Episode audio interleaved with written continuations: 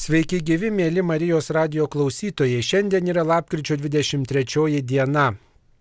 Ir lapkričio 23-ąją Lietuvoje yra minima Lietuvos kariuomenės diena. Ši institucija, ši bendruomenė mums visiems yra reikšminga, nes saugo mūsų kraštą net ir taikos metu. Ir šioje laidoje susisiekėme su Lietuvos kariuomenės ordinariato vyresniuoju karo kapelionu kunigu Remigijum Butkevičiumi. Sveiki gyvi. Sveiki, malonu. Taigi, mielas kapelionė, jūs bendraujate ne tik tai su kunigais, karo kapelionais, bet taip pat ir palydite daugybę karių. Kaip galėtumėte šiandien pasakyti, kuo Lietuvai svarbi kariuomenė net ir tada, kai yra taikos metas? Na tai visą laiką turbūt pirmas dalykas, apie ką turėtume ir kalbėti, tad, kad kariuomenė nėra tik tai karui, iš tiesų tai pirmiausia, kiekviena kariuomenė yra saugumo garantas ir būtent e, nedraugiškos valstybės, matydamos kariuomenės valstybės ir pačios kariuomenės stiprumą arba silpnumą gali tiesiog daryti tam tikras provokacijas arba provokuoti neramumams ar karams. Tai kaip visi suprantam kariuomenė pirmiausia yra tas tas saugumo garantas. Kad stipri kariuomenė tai iš tiesų garantuoja ir stiprios valstybės klausimą Na tai kiti sako, jeigu yra, taip sakant, daug karių ir yra taikos metas, kariai vis tiek turi kažką, kažkuo užsijimti, tai tuomet gal ir karai kyla, kad kariuomenė neturi kuo, ką veikti. Ar susidūrėte su tokia mintim? Na, aišku, teko girdėti tokią mintį, tačiau galėčiau turbūt prie, priskirti prie tam tikrų ir samokslo teorijų, nes iš tiesų tikrai nepasakyčiau, kalbant apie Lietuvos kariuomenės bei kitas, kad taikos metu kariai neturi ką veikti. Iš tiesų tai tikrai labai įtemptas pasirengimo procesas ir iš tiesų kario tarnyba turbūt ir pirmiausia pasižymi tuo intensyviu pasirengimu, tas nuolatiniu savęs ugdymu, kad metui atėjus iš tiesų karys galėtų padaryti tai, ką jisai turėtų padaryti. Tad tikrai kariuomenė nesėdi susidėjusi rankų ir besižvalgydama į kurią pusę, kur čia išprovokuoti kažkokį konfliktą. Kas jau kas, bet kariai turbūt geriausiai žino, kad kokia yra taikos kaina. Tai tiesiog manau, kad visų karių širdyse pirmiausia yra tas troškimas, kad duok Dieve būtų taika, kad nereiktų panaudoti kario įgūdžių, nes iš tiesų karas, kaip žinom ir matom, aplinkinėse valstybėse pasiglemžia gyvybės ir labai sugriauna žmonių gyvenimus. Tad kariai jau vieni iš tų pirmiausia žinančių, kas yra karas, tad manau, kad tikrai pirmiausia jų mintyse yra tas taikos troškimas. Daug dievė, kad visada būtų taika ir, ir tik tai išmoktos pamokos, ilgos pratybos, tai yra būtų tam jų kvalifikaciniam kelimui, bet nepanaudojimui karo sąlygom. Šiais metais, šiomis dienomis, šiuo laikotarpiu švenčiame Lietuvos valstybės jubiliejų, tuo pačiu ir minime kariuomenės jubiliejų. Kaip galime prisiminti ir apibūdinti tuos kariuomenės metus, kai štai laisvos Lietuvos kariuomenė gina šį kraštą? Na, iš tiesų ga, galima pasidžiaugti daugeliu dalykų, nes tiesa man pačiam neteko tarnauti nuo pat pradžios kariuomenės kūrimo 90-aisiais metais, kada buvo krašto apsaugos departamentas, tai iš tiesų tie žmonės, kurie kūrė kariuomenę ir šių pasakojimų tikrai galima suprasti, kiek tai buvo sudėtingas procesas. Ir uh, E, sukurti kariuomenę dar, dar, galima sakyti, tik pradėjus gyvuoti valstybei buvo tikrai sudėtinga, nes trūko ir resursų, ir, ir kitų dalykų. Tačiau, kiek man teko girdėti iš tuometinių liudininkų ir kariuomenės kuriejų, tai tikrai buvo didelis ryštas e, sukurti stiprią kariuomenę. Pirmaisiais metais turbūt buvo tikrai daug ir išmonės, ir daug e, entuzijazmo ir noro, kad Lietuva tikrai būtų ne tik tai laisva, laisva valstybė, bet jinai turėtų ir kiek įmanoma stipresnę savo kariuomenę. Kokie didžiausi laimėjimai ir nesėkmės kariuomenės tarnyboje per tuos metus galbūt galima įvardinti, kai ką prisiminti? Na, čia turbūt labai jau plati tema, iš tiesų tai tikrai galim pasidžiaugti šiandienos pakankamai tvirta Lietuvos kariuomenė, turbūt labai svarbus dalykas tiek pačiai Lietuvai, tiek Lietuvos kariuomeniai buvo įstojimas į NATO alijansą. ir iš tiesų šiandieną tai petis petin stovime draugė su, su NATO kariais, tos patirtys, bendros pratybos, o ypatingai bendros misijos, tiek kalbant apie, apie Kosovą, apie Bosniją Hercegoviną, Iraką, Afganistaną ir daugelį kitų valstybių, kur, kur mūsų kariai lygiaverčiai tarnauja su kitais, su kitų NATO valstybių kariais. Ir šiuo metu aišku po visų ukrainos įvykių du tūkstančiai šiek vėliau buvo priimtas nato sprendimas mes lietuvoje turime dislokuotus e, priešakinių pajėgų kovinę grupę kur iš tiesų tai yra mūsų ginklo broliai nato kariai taip pat pasikeisdami dalyvaudami pratybose dalyvauja amerikiečių kariai kitų valstybių kariai. Tai čia aš manau kad labai stiprus dalykas kad mes nesam vieni ir turbūt mūsų visada ir jėga ir stiprybė yra vienybėje. Tai čia ir manau kad buvo ko mokytis pačioje pradžioje. Kaip minėjau buvo sudėtingas kūrimo procesas tačiau manau kad lietuva ir lietuvos kariuomenė tikrai pasiekė daug ir puikių rezultatų ir šiomis dienomis yra jau aišku anksčiau mūsų nato partneriai tikrai vertina netgi puikiai lietuvos karius ką mes matom ypatingai e, taikos rėmimo operacijose karštuose rajonuose ir e, mūsų tiek karių tiek ypatingai ir karininkų darbas štabuose. Tai tikrai sakyčiau labai didelis tas kokybinis proveržis žiūrint turbūt į pirmąsias pirmuosius žingsnius kariuomenėje. Na taip pat turbūt neapseita ir be tokių nesėkmių, galbūt galime prisiminti ar įvardinti tokius išbandymus, iššūkius, su kuriais susidūrė Lietuvos kariuomenė. Na tai turbūt aišku ir mūsų karių žūtys, kiekvienas karys yra brangus ir aš sakau visada, kad Dievas myli lietuvis, nes jeigu žiūrint apie taikos rėmimo operacijas užsienyje, tai mes esame netekę dviejų karių, tai, tai iš tiesų yra tikrai mažas skaičius lyginant su, su kitomis ir, ir mažesnėmis valstybėmis negu Lietuva. Tai turbūt pirmiausia gal įvardinčiau šį dalyką, nes kiekvieno kario praradimas tai yra ne tik tai skausmas ir nuolat besitęsinti netektis šeimai, bet taip pat visada ir, ir ginklo broliams, tai ir pačiai kariuomeniai bei, bei valstybei.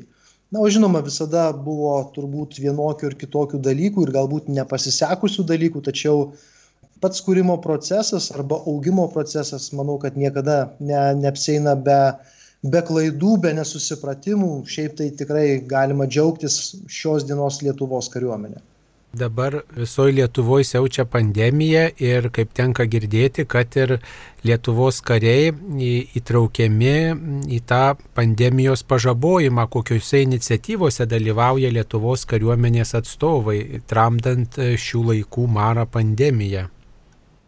Na, kaip žinote, Lietuvos kariuomenė turi taikos meto užduotis. Čia kaip ir pradžioje kalbėjome, kad kariuomenė nėra skirta tik karui, tai iš tiesų pagalba ir taikos metu, kaip ir anksčiau girdėdavom, kad kariuomenė padeda valstybės institucijoms, tai yra ir, ir sakykime, ir potviniai, ir gaisrai, ir, ir žmonių paieška, ir, ir organų gabenimas mūsų sraigtasparniais. Ir aišku, natūraliai, kad šios pandemijos metu taip pat buvo prašyta kariuomenės pagalbos ir tiek pirmosios e, bangos metu matėm tikrai daug karių, kurie būdėjo tiek pasienyje, tiek oro uostuose.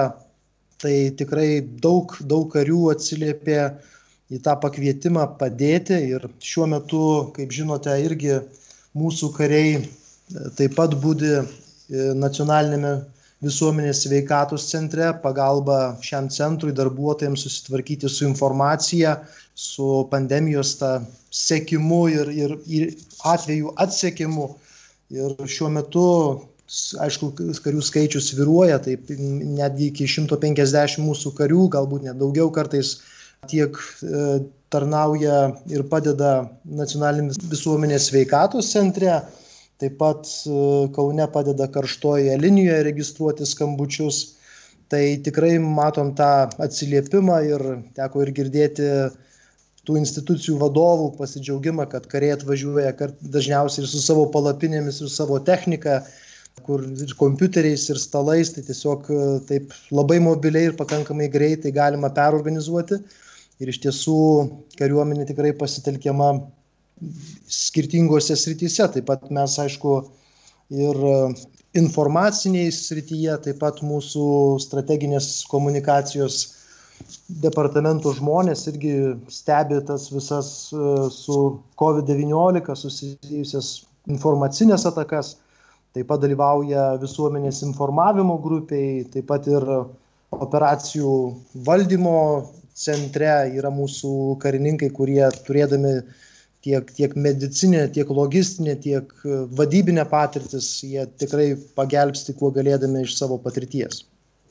Kariuomenės tarnystėje dalyvauja ir kunigai kapelionai, ko pasižymi jų atliekama misija, štai kokią tarnystę atlieka kapelionai kariuomenėje.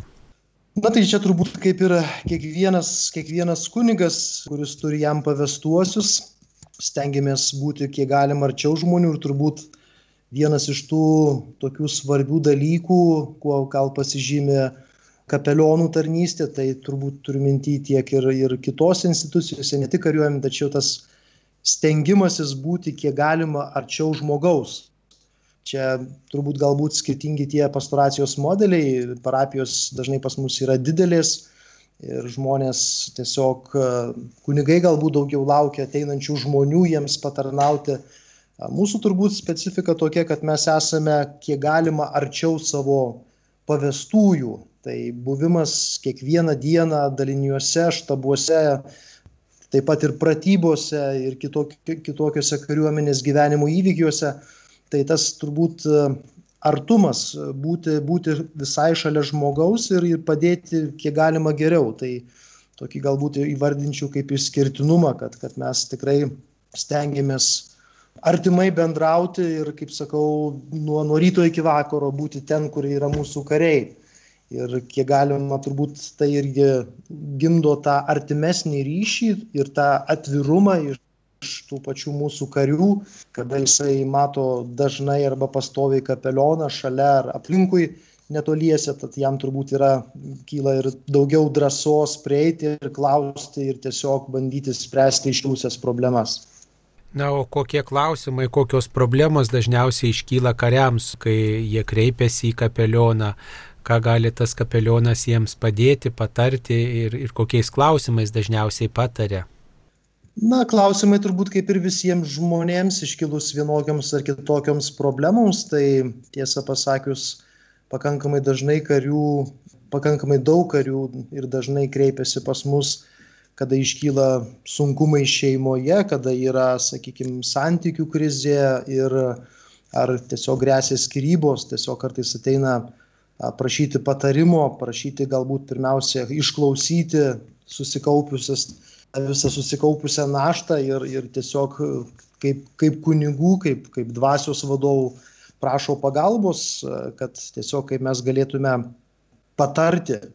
Tai tokie dvasiniai palydėtojai ir ne tik tai aišku krizių atveju, tai dvasiniai palydėtojai ir kasdienoje, nes, sakykime, tikrai yra žmonės, kurie ir atranda tikėjimą ir iš tiesų jiems kyla daug klausimų ir, turbūt kaip ir minėjau anksčiau kariai turbūt geriausiai tą supranta taikos skonį ir, ir, ir tie žmonės, kurie yra dalyvavę, dalyvavę misijose ir iš tiesų matė tą realų karą, tai labai natūraliai kyla daug klausimų ir apie pačią būtį, kokia prasme viso to ir, ir kodėl tas blogis egzistuoja. Tai visi tie klausimai turbūt panašus kaip ir visiems, tačiau daugiau galbūt jie patirtiniai yra tiesiog iš, iš kasdienybės patyrus.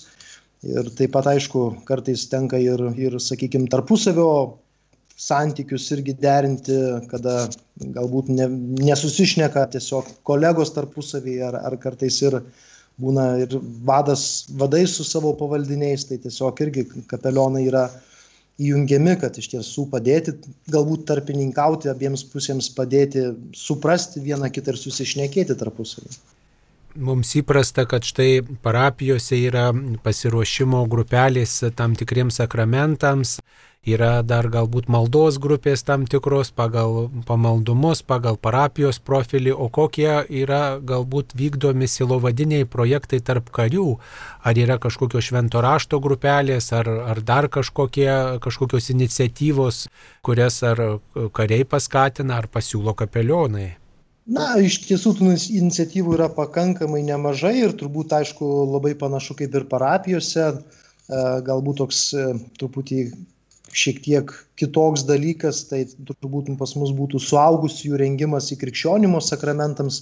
Čia turiu mintyje nuolatinės privalomosios profesinės karo tarnybos karius, tie, kurie ateina tarnauti dažnai liaudyje vadinami šauktiniai, tai yra devynių mėnesių laikotarpiui pakviečiami į tarnybą. Tad čia iš tiesų pakankamai nemažai tų karių, kurie išreiškia norą kapelionams pasiūlius ir suteikus tą galimybę, išreiškia norą pasiruošti tiek krikšto, tiek pirmosios komunijos, tiek sutvirtinimo sakramentams. Na ir natūraliai, kad vykdome taip pat ir vaikų katechizacija, tai yra mūsų kapelionatuose, kapelionai ar jų padėjėjai, ar kiti pasitelkti pagalbininkai iš tiesų ruošia karių vaikus pirmai komunijai ar paauglius e, sutvirtinimo sakramentui. E, kai kuriuose kapelionatuose yra vykdomas ir alfa kursas, vyksta taip pat irgi vyksta ir švento rašto skaitimo ir tikėjimo pasidalinimo grupės. Tad tų grupių yra ir tikrai man pačiam iš patirties galiu sakyti, tikrai jos yra efektyvios, nes aš savo dviejose štabuose turiu skirtingas grupės jau ne vieneri metai ir tikrai tai yra tas puikus pastiprinimas tiek labiau pažįstant šventai raštą, tiek e, iš kitos pusės tas mokėjimas pasidalinti tikėjimu ir tiesą pasakius man kaip kapelionui dažnai yra ir nauji atradimai ir tos naujos įžvalgos, tai kuo dalinasi susirinkę kariai. Turbūt mes visi žinome, kad yra karių, kurie tarnauja skirtingose sritise. Yra kariuomenė, kuri rūpinasi, reiškia, oro visais reikalais, sausumos pajėgos, jūros pajėgos, ar skiriasi sielovada skirtingose šitose kariuomenės rūšyse. Galim bendrai sakyti, galima sakyti, jog visur yra tie patys žmonės, tad sielovada bendrinė prasme yra, yra panaši, tačiau uh, labai natūraliai, kad e, skirtingos pajėgos ir jų vykdoma e, tarnyba turi savo specifiką. Tad sausumos pajėgose yra galbūt vienoks pobūdis, jūrų pajėgos ir čia reiktų kalbėti turbūt apie konkretų vykdomą kovinį pasirengimą, kovinį rengimą ir, ir aišku atliekamas užduotis. Tai, tai tiesiog e, žiūrim pagal situaciją ir prisitaikom. Čia kaip pavyzdys ne per seniausiai mūsų jūrų pajėgų kapelionas virš mėnesio buvo su kariais laive ir, ir būtent e, jie buvo pratybose ir tas visas laikas būti su kariais drauge laive. Ir natūraliai, kad ir vyko ir pokalbiai, ir diskusijos, ir, ir turbūt ir mišios buvo, tai tiesiog labai viskas prisitaikome prie to, ką kariai konkrečių metų veikia turbūt kariai susiduria su grėsme, įvairia grėsme kraštui žmonėms pirmiausiai, nes ten siunčiami, kur yra karščiausi taškai. Ir kaip tose karštuose taškuose keičiasi karių tikėjimas, o gal kartais atsiranda tam tikras skepticizmas, tam tikra ironija, tam tikras atsainumas. Na, kiek man iš savo patirties teko būti tarptautinėse operacijose, tai iš tiesų uh, nelabai turbūt galėčiau pasakyti apie tą ironiją ir atsainumą. Turbūt kariai matydami, kaip jau minėjau, tuos e, re, realų karą arba realius kovinius veiksmus, tai labai natūraliai, kad kariams kyla tokie egzistenciniai klausimai. Tai iš tiesų turbūt e, ir tam tikros labai natūraliai ir žmogiškos baimės, apie, apie kurias e, kariai nori kalbėti ir diskutuoti. E, manau, kad dažniausiai visos ekstremalios situacijos tai parodo žmogui jo tą trapumą ir pažeidžiamumą ir tą patį ribotumą, kur dažnai mes, būdami kasdienoje, to nelabai gal net pastebim arba įsivaizduojam, jog esame mes čia labai stiprus ir galingi, tačiau labai paprasti kartais pasikeitę dalykai parodo, kad iš tiesų mes turim peržiūrėti ir savo, savo kasdienybę, ir savo įsivaizdavimus, ir savo pasirinkimą. Vienas iš tų dalykų turbūt ta pati ir pandemija parodė, kad reikia tikrai tokio tvirtumo ir, ir, ir, ir išlaukimo, nes labai dažnai žmonės nori čia ir dabar, kad viskas susidėliotų. Tačiau tie dalykai, kurie mums atrodė labai paprasti, kaip ir per pirmąją pandemiją, tas buvimas šeimoje, ko mes iš tiesų troškom ir sakėm, kad e, trūksta tų, tų dalykų, tai galiausiai pabūs kartu per pirmąją pandemijos bangą tikrai iškilo daug problemų tarpusavio santykiuose. Tai kiekvienas išbandymas, aš manau, kad yra galimybė, galimybė pasižiūrėti į save, pasižiūrėti į kitus ir kartu pamatyti turbūt savo, vadinkim, gyvenimo spragas arba pasirinkimo spragas. Tai šiuo požiūriu ir mūsų kariai išvykdami tarptautinės operacijas. Tai galima sakyti, tai tikrai yra tam tikras jų išbandymas matyti, ko dar trūksta mūsų kariams bendraja prasme, ar tiesiog asmeniškai žiūrint, kur, kur dar turiu tobulėtis, lavinti savo įgūdžius. Na, o aišku, kalbant apie moralinius dalykus, apie, apie žmogaus dvasę ir visą dvasinį gyvenimą, tai taip pat naujos patirtys. Ir E, man pačiam teko ir išvesti ir kalėdas, ir kučias, ir tai iš tiesų e, misijos rajone Afganistane, tai tokios tikrai naujos patirtis, kurios išlieka ilgiems metams. Turbūt daugeliu žmonių rūpi, kaip kariuomenė jie pavyksta suderinti mm, tam tikrą tokį etinį ūkdymą, religinį ūkdymą ir tą tokį nuolatinį kovinį pasirengimą, nes iš kario reikalaujama, kad jis būtų nusiteikęs karingai, kad gintų, kai iškyla grėsmė ir galbūt kai, kai reikia panaudoti jėgą, ją panaudotų, galę, ją, ją pritaikytų ir kaip tai su, suderinti su etika, su, su krikščionišku tikėjimu. Na, iš tiesų ir pačioj kariuomeniai visada kalbame apie tiek fizinį, tiek e, kovinį arba karinį rengimą.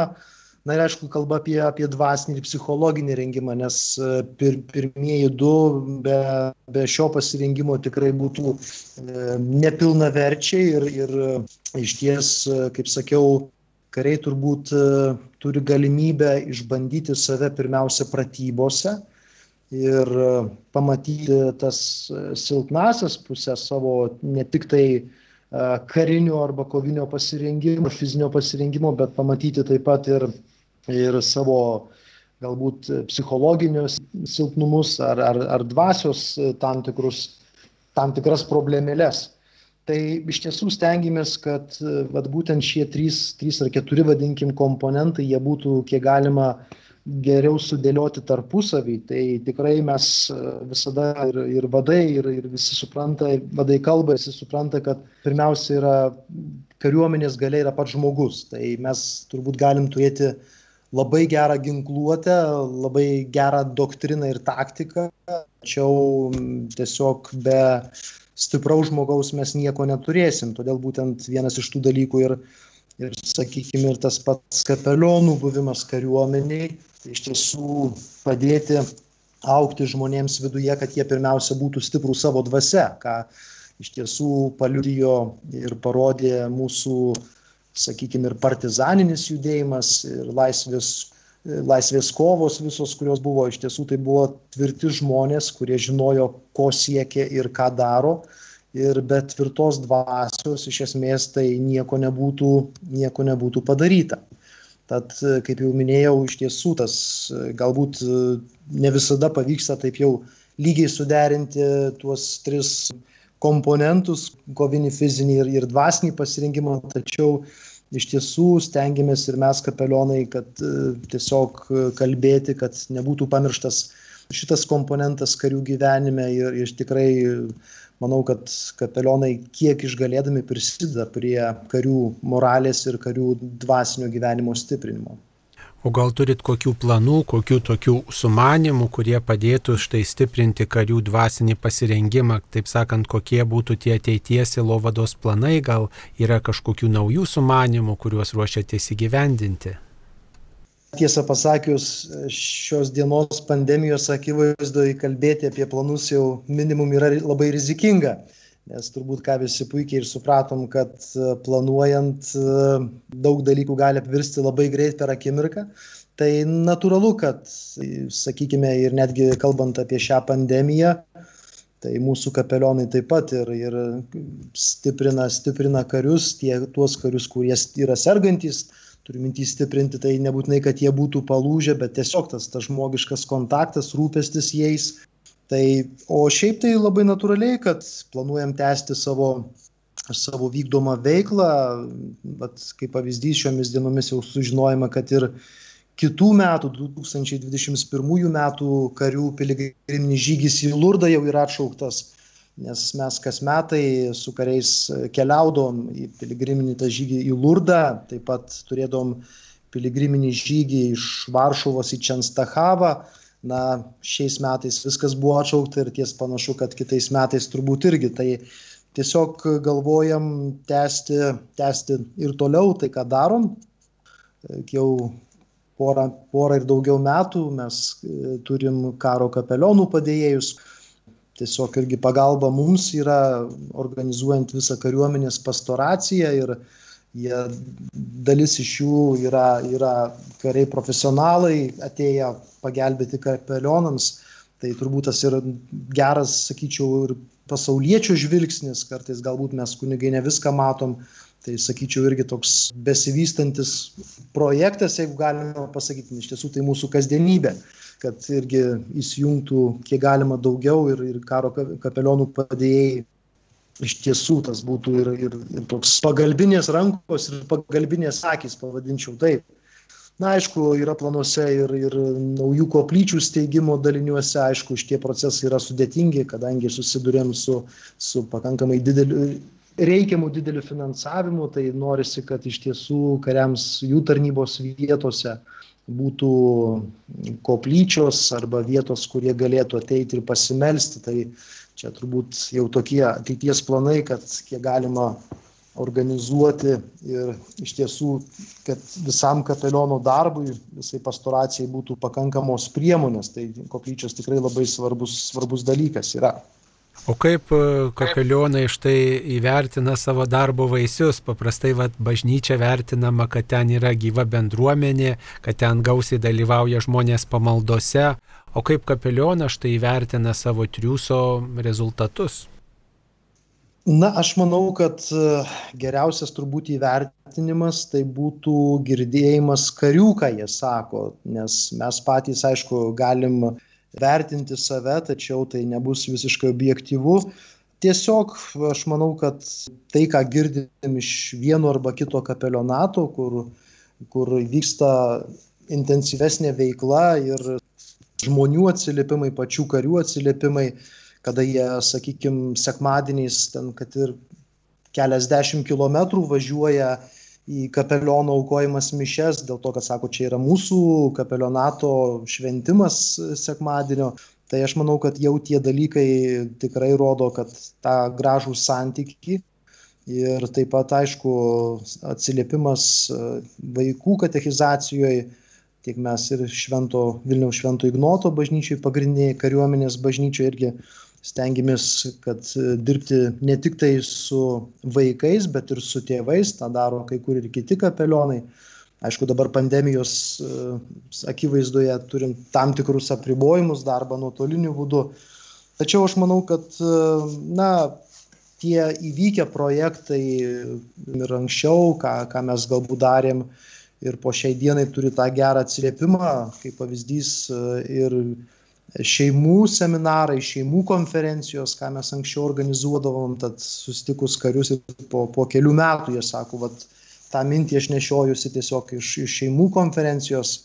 Anksčiau teko taip pat organizuoti ir krikščioniškas kariūnų tarptautinės konferencijas, čia būtent skirtos karo akademijos studentams, būsimiems karininkams, tai dabar jau susitikus po daugelio metų jiems tarnaujant Lietuvos kariuomenėje, sako, na, tai, tai irgi buvo daug gerų minčių, daug gerų paskatinimų. Tai aš manau, kad viską sudėjus tikrai pasimato tie tokie ir darbo vaisiai. O ko labiausiai trūksta tame sielovados darbe, trūksta štai karių kapelionų, trūksta karių atsiliepimo priemonių ar, ar dar kažkokių dalykų, ar kokių, kurios padėtų tai sielovadai būti tokio dar aukštesnio ligmens. Na, aišku, visada šiandien dažnai mes kalbam apie tai, ko trūksta ir, ir iš tiesų tikrai būtų gerai mums turėti daugiau karo kapelionų, nes dabar kai kurie kapelionai tiesiog turi po du ar daugiau kapelionatų ir, kaip žinot, pas mus e, galbūt teritoriškai taip nėra vientisa kaip parapijose, kur kelių ar keliolikos kilometrų atstumu parapija į vieną ar kitą pusę tęsiasi. Pas mus atstumai gaunasi truputį didesni tarp miestų ir tada iš tiesų kapelionui dalį savo laiko tenka skirti vien tik tai keliavimui iš vieno padalinio į kitą. Na, aišku, tas ir karių atsiliepimas visada norisi turbūt ir kad būtų didesnis ir labai natūraliai turbūt e, pati visuomenė, su kuo šiandieną susiduria, kalbant bendraja prasme, turbūt ir tas e, besivystantis liberalizmas, turbūt ta, ta idėjų kaita ir netgi tas naujosios kartos vertybinis požiūris, aš nesakau, kad jisai kažkuo yra netinkamas, tiesiog jisai galbūt yra šiek tiek kitoks ir ką mes turbūt pastebim kalbėdami apie nuolatinės privalomosios profesinės karo tarnybos karius šaukiamuosius devyniems mėnesiams. Tai iš tiesų, bet tie jauni žmonės negali sakyti, kad jie nėra ieškantis, ar jie visiškai yra abuojus dvasios dalykams. Tikrai pakankamai daug jų sekmaniais dalyvauja ir kapelionų organizuojamuose šventose mišiuose ir atsiliepia į pakvietimą pasiruošti tiek šventai komunijai, tiek sutvirtinimo sakramentams. Tai aišku, noras visada yra, e, kiek galima daugiau apriepti, tačiau kartais tiesiog ir pačiam kapelionui tas yra ribotas laikas, kaip ir visi mes turim lygiai 24 valandas paroje ir nekiek daugiau. Ir kaip minėjau, kartais tas skirtingų padalinių buvimas didesniu atstumu, tai irgi suteikia tas tokia apribojimą daugiau būti su kariais. Šiaip taip pat noriu pasidžiaugti ir mūsų bendrai Lietuvos kariuomenės, tiek, tiek e, kariuomenės pačių, pačio vado, tiek e, visų padalinių vadų atsižvelgimu ir požiūrį į kapelionų darbą. Tai iš tiesų tas, nežinau, man atrodo, jis yra pakankamai teigiamas, netgi net nepakankamai, o teigiamas iš viso ir e, tiesiog jie daugelį vietų, taip liaudiškai tariant, yra įžiebę žalę šviesą, kad, kad kapelionai galėtų veikti. Tai aš manau, kad labai svarbus ir tas vadų palaikymas, tiek asmeniškai galiu kalbėti, kad iš tiesų tas vadų tas pastiprinimas arba kapelionų įjungimas į padalinio gyvenimą, kad kapelionas būtų visur ta prasme dalyvautų ne tik šventėse, bet ir kasdienoje, tai, tai, tai ir ta galimybė susitikti su kariais ir, ir organizuoti tą karių dvasinį, dvasinį ūkdymą. O koks yra visuomenės požiūris į kariuomenę, ar jis pakito per tuos visus laisvės metus, kaip jisai keitėsi ir koks dabar yra, ar tas pastebimas toks teigiamas požiūris, palaikantis, ar toks priekaištaujantis, maždaug čia tik išlaidauja, labai čia reikia tos kariuomenės, kai yra taika ir, ir gal visai čia pinigai vėjais karybai leidžiami. Su kokiu požiūriu susidurėt? Ten, jeigu žiūrėt visuomenės apklausas, tai tarp kitko labai įdomiai, kad pakankamai dažnai kariuomenės ir bažnyčios populiarumas yra labai greta ir vieną mėnesį bažnyčia yra aukštesnė eilutė, kitą mėnesį kariuomenė, tad matom, kad kariuomenė yra vienose iš pirmųjų eilučių, kuo žmonės pasitikė. Aš manau, kad visą laiką atsiras turbūt ar ne visai išmanančių ir galbūt labai gerai įsigilinusių į situaciją, tad, žinot, tas kalbėjimas čia yra tuščias pinigų švaistimas, tai turbūt galim paklausti pas, pas mūsų kaimynus ukrainiečius ar, ar kitas valstybės apie kariuomenės parengtumą ir, ir pinigų švaistimą. Čia turbūt e, pakankamai daug tokio atsiranda populizmo. Aišku, tai yra taip pat nepaslaptis, kad e, šios temos yra naudojamos ir informacinėme kare, kuris yra pakankamai stiprus. Tai šiaip bendrai pasižiūrėjus, aš manau, kad e, visuomenė pakankamai teigiamai vertina kariuomenę ir, ir jos vykdomą veiklą. Ir aišku, visą laiką atsiranda neigiančių ir skeptikų, tačiau kiek man ir pačiam teko pastaraisiais metais dalyvauti pratybose, kurias mes darydavom daugiau miestuose, kadangi pasikeičiasi karo pobūdis ir dalis pratybų buvo perkeltos į miestus, tai pabendravo su vietiniais gyventojais iš tiesų sako, labai gerai, kad jūs esate čia ir mes galim matyti, ta prasme, bent jau žinoti pirminius dalykus, ką daryti esant iš tiesų karo grėsmiai. Tai, tai tas požiūris pakankamai, kiek aš susidūriau, yra teigiamas aišku visada norisi to didesnio kariuomenės palaikymo ir tiesą pasakius turbūt e, šiuo metu irgi jau ne vieneri metai vykstanti kariuomenės modernizacija, tai žmogui išgirdus didelės sumas, ten keli šimtai milijonų ar keliasdešimt milijonų skirti, skiriami ginklams ir ginkluotėjai, tai atrodo tikrai dideli pinigai, tačiau turim nepamiršti, kad tai nėra vien tik šių metų projektas, tai yra daugelio metų projektas. Ir ir Lietuvos kariuomenė turbūt irgi tą turi modernėjimą, kur teko kalbėti pastaruoju metu ir su vadais, kurie gauna naują, naują techniką. Tai tikrai, sakė, tai yra didelis kokybinis, kokybinis lūžis mūsų kariuomenė ir tai yra smagu, kad po tiek metų mes galim iš tiesų pereiti prie tikrai labai kokybiškų ir profesionalių tiek, tiek kovinės technikos, tiek pačios ginkluotės. Tai aš manau kad e, turbūt ir visi kaip jau minėjau ukrainos įvykiai parodė ir kartu parodė tą visuomenės atsiliepimą nes tą mes matėm labai stipriai turbūt ir šaulių sąjungoj kur pakankamai daug žmonių tiesiog e, stojo į šaulius norėdami bent jau kažkiek žinoti ką daryti karo atveju ir prisidėti savo žiniomis savo patirtimi. Tai tai ir puikiai parodė kad žmonės truputį pradėjo kitaip žiūrėti į krašto gynybą negu buvo šiek tiek anksčiau kalbant jog tai yra tiktai pinigų švaistymas. Ir puikiai visi mes matom apie visai šalia mūsų esančias grėsmes ir kartais tą nežinomybę kuri gali gali labai greit pakisti tai manau kad žmonės šiuo požiūriu tikrai jau bręsta ir ir mato kad kad kariuomenė tai būtent yra tas tas saugumo garantas kuris iš tiesų gali, gali turėti tą atgrasimo priemonę. O kaip tas pilietinis, patriotinis toks ugdymas vis e, vyresnės karto žmonės nusiskundžia, kad jauni žmonės nelabai nusiteikia taip e, meilė tėviniai, kad kartais galbūt yra tokie kosmopolitiški, kad štai vyksta į tolimus kraštus ir ten dirba, pamiršta savo kraštą, nesigilina, nepažįsta nei istorijos, nei, nei tradicijų, nei to partizaninio karo, nei tų tremčių, kažkaip nenori apie tai kalbėti, kaip apie tokią perteklinę kančią, kuri tiesiog tiesiog vargina jauną žmogų, o kaip tarp karių tos tokios pilietinės, patriotinės nuotaikos, ar, ar jiems rūpi istorija, ar jiems rūpi ta mūsų krašto praeitis, tos kovos, kurios buvo ir ta tokia laisvės byla, dėl kurios tiek daug žmonių žuvo.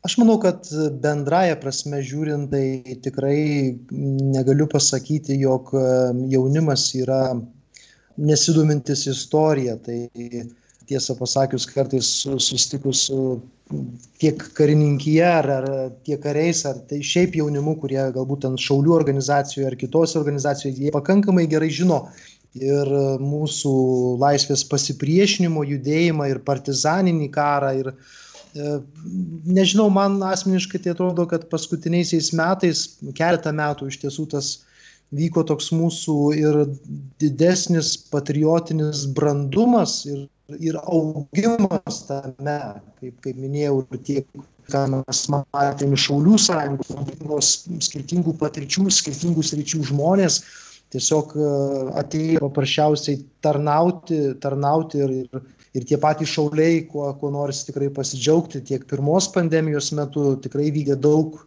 daug puikių pagalbos projektų mūsų, mūsų tėviniai.